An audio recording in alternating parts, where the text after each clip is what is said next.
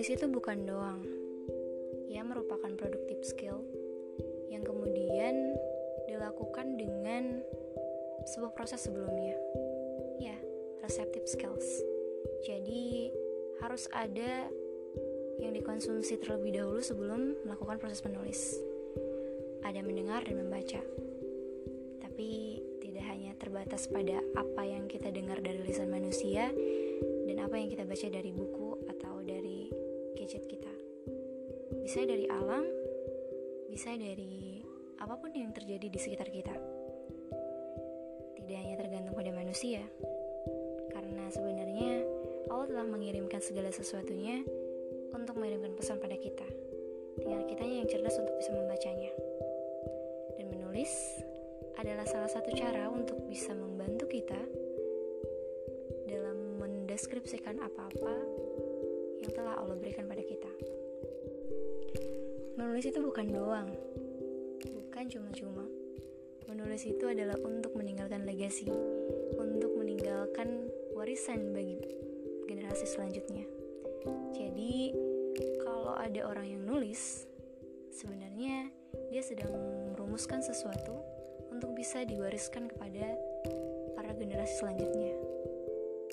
Jika dulu mungkin orang-orang dahulu berpikir bagaimana generasi selanjutnya bisa bertahan hidup, zaman sekarang kita berpikir bahwa kita perlu meninggalkan ideologi, kita perlu meninggalkan idealisme yang bisa dikonsumsi oleh generasi selanjutnya.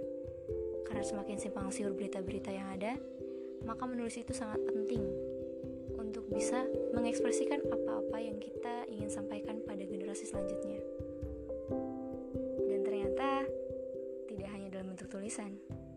juga orang-orang lain yang bisa mengadaptasikan apa pesan yang ingin disampaikan dalam bentuk lain. Dan menulis itu bukan doang ya. Teman-teman bisa merasakan uh, bahwa dari menulis itu sebenarnya kita menguraikan berbagai aktivitas kita menuliskan berbagai pesan berbagai wawasan yang sebenarnya itu akan menegur kita di lain waktu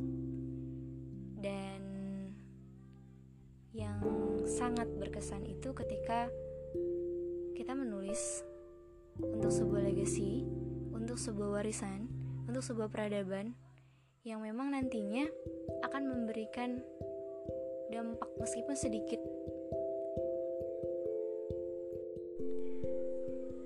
Bukankah kita mengenal sejarah karena adanya tulisan?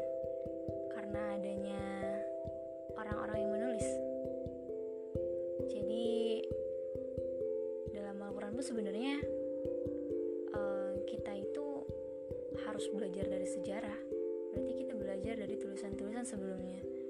Dan itu adalah salah satu cara untuk kita bisa merangkai masa depan, untuk bisa merencanakan masa depan. Karena ketika kita nggak punya referensi kayak sejarah dalam bentuk tulisan kayak gitu, gimana caranya kita bisa merencanakan masa depan? Pun sebenarnya jangan jauh-jauh ke sejarah yang mungkin kita ngomongin perang dan lainnya ya, tapi kita bicara tentang sejarah hidup kita sendiri mungkin kita juga punya pengalaman-pengalaman yang tertulis lah. Nah, dari situ kita bisa merencanakan apa-apa yang uh, tidak ingin kita lalui pada masa sebelumnya. Jadi, menulis itu bukan doang, dia punya banyak manfaat. Apalagi udah diniatin untuk legacy gitu ya, untuk warisan. So guys,